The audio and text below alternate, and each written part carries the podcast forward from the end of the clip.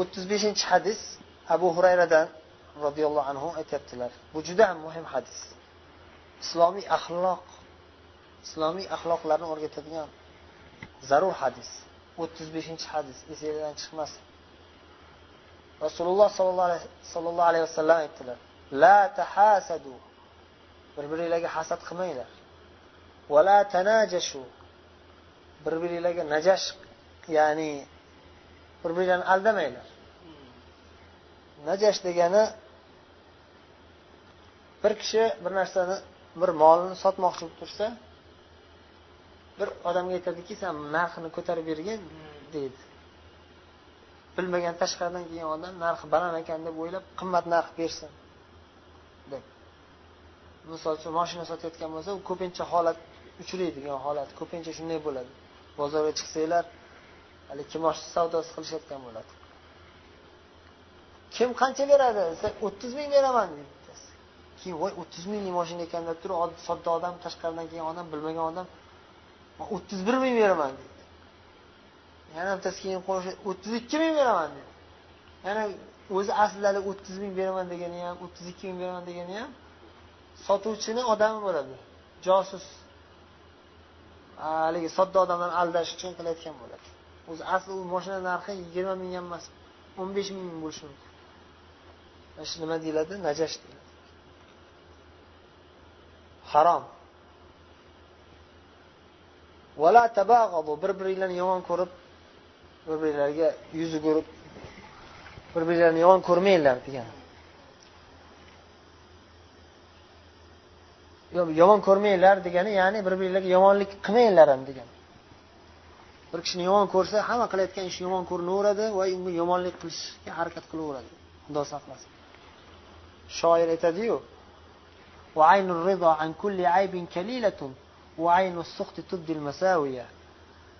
bir kishidan rozi bo'lib tursa uni aybi ko'rinmaydi. Hamma qilayotgan ayb xatoliklaridan ko'zi ko'rib turaveradi. Yomon ko'radigan ko'z bo'lsa tubdil masaviya hamma yomonliklarni oshkor qilaveradi. Kichkina xato qilib qo'ysa ham fildek qilib ko'rsataveradi. Bu odam bunaqa odam bunaqa. Mana shu kiradi. Bir biringlarni yomon ko'rmanglar bir biringlarni yomon ko'rsatishga harakat qilmanglar. Vala tadabaru bir biringlarga orqanglarni o'girib bir biringlardan aloqanglarni uzib tashlab ketmanglar. Bir biringlarni sotuvinglarni ustidan sotuv qilmanglar yoki bir biringlarni narsanglarni bozoringlarni buzmanglar. Bir kishi bir narsani olaman deb xaridor bo'lib turgan bo'lsa ana shu xaridorni chetga surib tashlash uchun boshqa odam aralashmasin.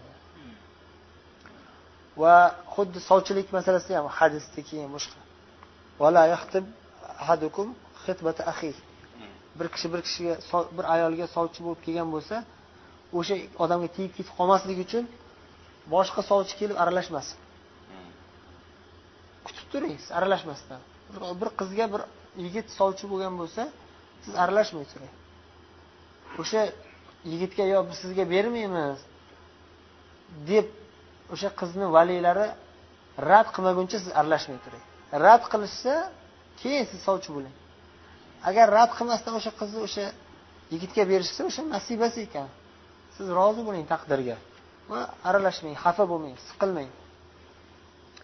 Sotuv masalalarida ham bir kishi masalan fayzulla akani moshinasini olaman deb xaridor bo'lib tursa nima qilasiz bu odamga sotib manga soting man sizga yaxshiroq narx beraman deb turib savdoni buzib tashlamang qasddan qilmaslik kerak ya'ni bilmasdan qilib qo'ysa gunohkor bo'lmaydi. Bilmasdan qilib qo'ysa gunohkor bo'lmaydi. Lekin bilib turib atayin aralashishlik bu harom. O'zi bilib turib o'shani auksion qilishchi sani bersan u qanday? Kimosh savdo qilishmi agar kimosh savdo qilish qanday aldashsiz bo'lsa joiz. Masalan mani moshinam bor kim oladi? Kim qancha beradi? Man eng qimmat narx beradigan odamga sotaman dedi. Siz qancha berasiz? O'n besh ming. siz o'n olti ming. Ha atayin qilmaslik kerak. Ya'ni o'zi olmoqchi emas. Faqat narxini ko'tarib bermoqchi u harom u najash. Unda aralashgan qolmaydi bular misol uchun shu o'n besh olmoqchilar haqiqatdan o'n besh mingga olmoqchi bo'lib o'rtaga pul tashlagan bo'lsa u joiz. U keyin boshqa odam haqiqatdan olmoqchi bo'ldi o'n olti mingman beraman desa u joiz. Shuni haqiqatda xuddi bundan oldingi misolda bo'ladi-ku. yo'q unda unaqa bo'lmaydida. Oshkor bo'layotgani uchun sotuvchini o'zi aytgani uchun, u. kelishib olgan oldin. Bozorga chiqishdan oldin. hozir aralashmagan, biron suvchi qo'yganga bormagan. ha yo'q u bu holatda xuddi Yo'q, o'xshyapti, lekin bunda sotuvchi kimoshni savdoga qo'ymadida bu? Ha. kimoshni savdoga qo'ygan yo'q edi bu. Bu odam o'zi shu odamga rozi bo'ldi. Mayli man sizga sotaman deb turuvdi. Rozi bo'lib turuvdi. Keyin bir kishi kelib buni aynitib qo'ydi. Shu joiz emas. Bu harom emas bu kelishuv bo'lmaganda u kelishuv bo'lmagandan keyin unga ish u anaqada u yoshlarda hali hech kim kelishmagan. Kimdir kelib qurbonlarni olish so'zasi beriladi shunday ollohning shunday bandalari bo'linglarki ixvana bir biringlar bilan birodar bo'linglar. Bir biringlarga birodar bo'linglar degani avvalgi hadislarda o'tilgan la yu'minu ahadukum hatta yuhibba li akhihi ma yuhibbu li nafsihi. Sizlarni biringiz hech qachon mo'min bo'lolmaydi. Ya'ni haqiqiy mo'min bo'lolmaydi. Musulmon birodariga o'ziga yaxshi ko'rgan narsani yaxshi ko'rmagunga qadar. O'ziga yaxshi ko'rgan narsani yaxshi ko'ring. Shunday birodar bo'linglar. Allohning shunday bandalari bo'linglarki bir biringlar bilan birodar bo'lgan bandalar bo'linglar. Al muslimu ahul muslim. Musulmon kishi musulmon kishiga birodardir. La yazlimuhu. Unga hech qachon zulm qilmaydi. Uni yordamsiz tashlab qo'ymaydi yordamga muhtoj bo'lib turgan bo'lsa hech qachon uni tashlab qo'ymaydi.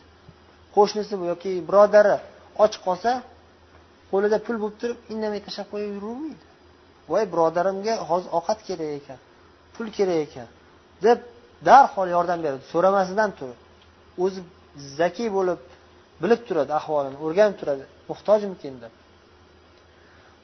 Yahqiruhu. Pastga urmaydi musulmon birodarini hech qachon. Attaqvo hahuna dedilar. Va qalblariga ishora qildilar. Uch marta. Taqvo mana bu yerda. Taqvo mana- ya'ni hamma yaxshilik ishlarini markazi qalbdan boshlanadi yaxshilikka undovchi taqvo qalbda joylashadi. Qalb agar taqvosi kuchli bo'lsa unga nasihat qilib o'tirilmasdan turib u odam o'zi yaxshilik qilib ketaveradi. birodarlariga. Hech qachon hech kimga hasad qilmaydi. Hech qachon hech kimga yomon g'araz bilan qaramaydi. Hech qachon birodaridan aloqani uzib yubormaydi. Doim yaxshilik qilaveradi u taqvosi kuchli bo'lsa. Taqvosi kuchsiz bo'lsa xudo saqlasin o'zidan o'zi yomonlikka o'tib ketaveradi.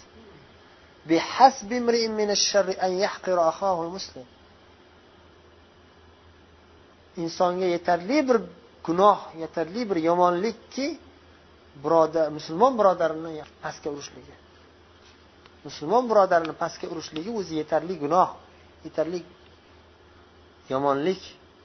Ya'ni biz bir musulmon birodarini haqorat qilib pastga urgan odam o'zi eng yomon odam degan. Man yomon emasman man yaxshi odamman deb davo qilsa ham yoki shunday deb o'ylasa ham bir musulmon birodarini haqorat qilib ey san qirg'iz ey san o'zbek ey san qozoq deb pastga ursa ana shu odam o'zi yetarli darajada yomon odamligi ma'lum. Kullul muslimi alal muslimi harom. Musulmon kishiga musulmon kishining har hamma tomoni harom. Hamma yog'i harom degan ya'ni damuhu va maluhu va irdu. Musulmon birodaringizning qoni ham moli ham nomus ham haromdir. Moli harom degani man sizga hadya desa "E, sani moling harom degani emas ba'zilar noto'g'ri tushunib shunaqa deb o'ylamasin. Shunaqa deb tushunib qolgan odamlar ham borda hadis. Qanday qilib moli harom? deyapti. Yo'q. Rasululloh sollallohu alayhi vasallam boshqa hadisda aytdilarki la yahillu muslim illa an tibi nafs. Musulmon kishining moli ich ichidan rozi bo'lib bersagina halol bo'ladi. Ich ichidan g'ash bo'lib bersa u halol emas. Misol uchun tamagir nima uchun tamagirlik harom? Chunki bir kishi tamagirlik qilib pul olsa bergan odam uyalganidan beradi beryapti o'zini roziligi bilan beryapti lekin ichida g'ashlik bor. Tinch qo'ymadi na o'shaning uchun tamagir odam gunohkor bo'ladi. Ya'ni musulmon birodaringizni moli o'z ichidan rozi bo'lib chin qalbidan bersa shunga amin bo'lsangiz o'shanda halol. Yoki bo'lmasam oldi berdi haqiqiy rozilik bilan oldi sotdilik bilan olinsa bu halol.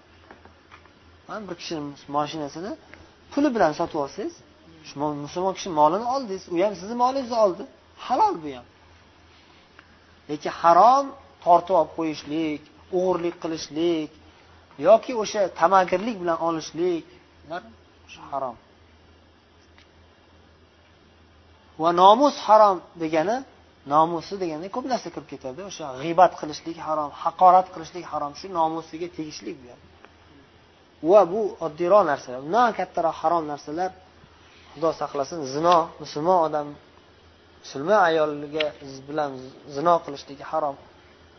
Va umuman zino harom. Hatto kofir ayol bilan bo'lsa ham. Va bu yerda nima uchun musulmon aytilyapti? Chunki birinchi o'rinda turadi. Musulmon odam huquqi birinchi o'rinda turadi eng oliy darajada turadi. Kofirlarni pastga urmaymiz lekin musulmon bilan barobar qilmaymiz hech qachon. Musulmon odam huquqi birinchi o'rinda turadi. Kofirlarni ham agar harbiy bizga har urush qilayotgan bizga jang qilayotgan bizga dushman ochiq oydin dushman bo'lgan kofir bo'lmasa biz uni hurmat qilamiz unga yomonlik qilmaymiz bu hadisning qisqacha ma'nosi va sharhi mana shunday endi hadisi sharifning arabcha matniga yana bir bor quloq solamiz عن ابي هريره رضي الله عنه قال قال رسول الله صلى الله عليه وسلم لا تحاسدوا ولا تناجشوا ولا تباغضوا ولا تدابروا ولا يبع بعضكم على بيع بعض وكونوا عباد الله إخوانا المسلم أخو المسلم لا يظلمه ولا يخذله ولا يكذبه ولا يحقره التقوى هاهنا ويشير إلى صدره ثلاث مرات بحسب امرئ من الشر أن يحقر أخاه المسلم. كل المسلم على المسلم حرام دمه وماله وعرضه. رواه مسلم.